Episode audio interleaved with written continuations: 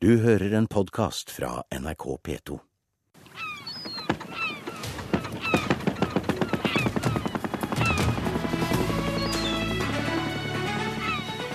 Politisk sommerintervju i Nyhetsmorgen.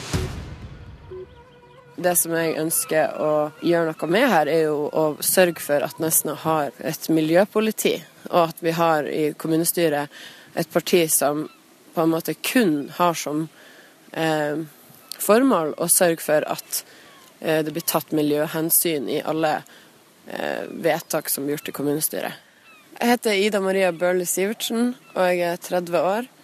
Eh, jeg stiller for Miljøpartiet De Grønne som førstekandidat i Nesna kommune. Som ordførerkandidat? Ja, som ordførerkandidat. Er det andre ting du har lyst til å kjempe for politisk? Altså, jeg er opptatt av jordvern. Jeg er opptatt av å ta vare på den matjorda som vi har. Jeg er opptatt av likeverdighet for alle. Jeg er opptatt av bosetting av flyktninger på, på forsvarlige måter og eh, integrering i samfunnet. Vi har, Nesna kommune har et fantastisk eh, velfungerende asylmottak og norskopplæring. Og eh, vi har suksesshistorie etter suksesshistorie. Hva betyr mest for eh, hvor godt partiet ditt gjør det? Er det du eller partilederen? tror du? Vet du hva, jeg tror verken jeg eller eh, noen andre mennesker har Eh, den innvirkninga på, på, hvorfor miljø Jo, det er litt morsomt, det er rart å si det sånn. Jeg mener at eh, jeg tror bare folk rett og slett har begynner å våkne opp og, og, ser det at vi er nødt til å ta liksom Vi er nødt til å ta og løfte blikket litt. Og at de tingene Vi kan ikke sitte og diskutere de her på en måte bagatellarta sakene når vi er i ferd med å sage av den greina som vi sitter på. Så jeg tror ikke at det har noe med personlighet eller noen ting å gjøre. Jeg føler bare at jeg, jeg, jeg ønsker bare å være til service for, for Miljøpartiet og, og, ta, og, gi av tida mi eh, til denne saken. Mm. Og, så, og hvis, hvis, det kan hjelpe, så er det kjempebra. Men jeg tror ikke at folk vil stemme på partiet pga. meg. Jeg tror det er rett og slett fordi det er tida er inne for å, å se på litt nye se litt nye løsninger på ting. Det er jo mange saker du må ta stilling til i et kommunestyre der De Grønne er representert, og kanskje du som førstekandidat i tillegg. Eh, hvordan ser du på en eh, kommunesammenslåing i den kommende kommunestyreperioden? Jeg har ikke noe spesielt tro på at eh, sammen, altså sammenslåing av kommuner eh, skal, skal, være noe gagnende for miljøet.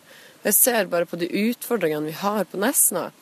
Det er en liten kommune, men allerede det kan være lett å miste oversikt eh, over hva det er som foregår i alle kriker og kroker.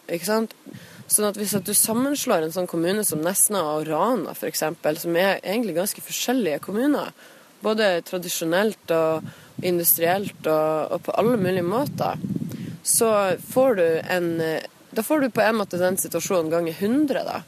Da, da har du ikke noen som kanskje iranere som virkelig vet ja, hvor er det matjorda på Nesna befinner seg? Hvor er det virkelig god jord her? Vi er avhengig av den jorda vi har.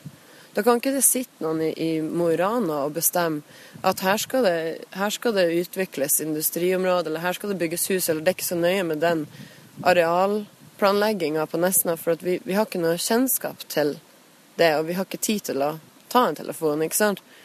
Så jeg tror det er kjempeviktig at man har lokale styrer og lokale kommuner, så at man har oversikten. Det er veldig mye kunnskap som ligger i eh, kommunen, ikke sant.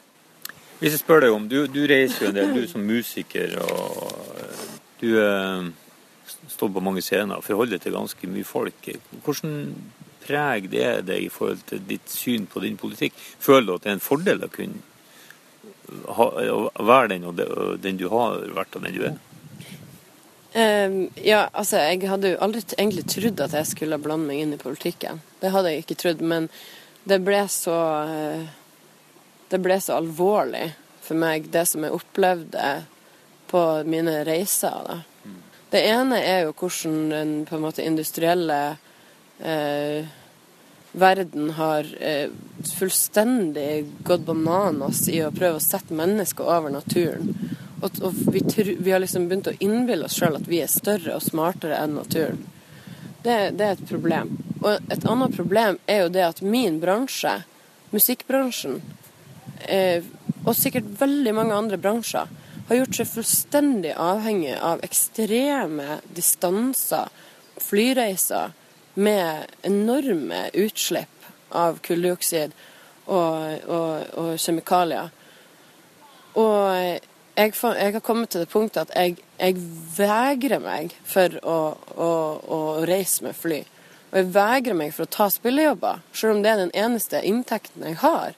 Jeg er helt sånn himmelfallen at vi har kommet dit at det skal være eh, på en måte eh, obligatorisk at man som moderne menneske i dag skal reise x antall timer med fly i året for å kunne opprettholde en ja, lavtlønna, vanlig stilling som kulturarbeider. Men Blir ikke det et paradoks for deg? Det da? Det er et stort paradoks. Så det, det, er jo det som er at jeg er i full ferd med å og prøve å finne ut av hvordan kan jeg omstrukturere livet mitt og yrket mitt på en sånn måte at jeg kan nå ut til folk med, med kunsten min, men samtidig ikke eh, gjøre et sånt innhugg i, i naturen sin bankkonto. Da. En ting som jeg alltid har drømt om, er jo å gjennomføre en seilbåtturné. Men da må man jo være litt sånn fri på når man ankommer. Det blir en helt grønn turné da med seilbåt?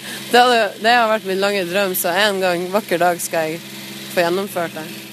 Du har hørt en podkast fra NRK P2.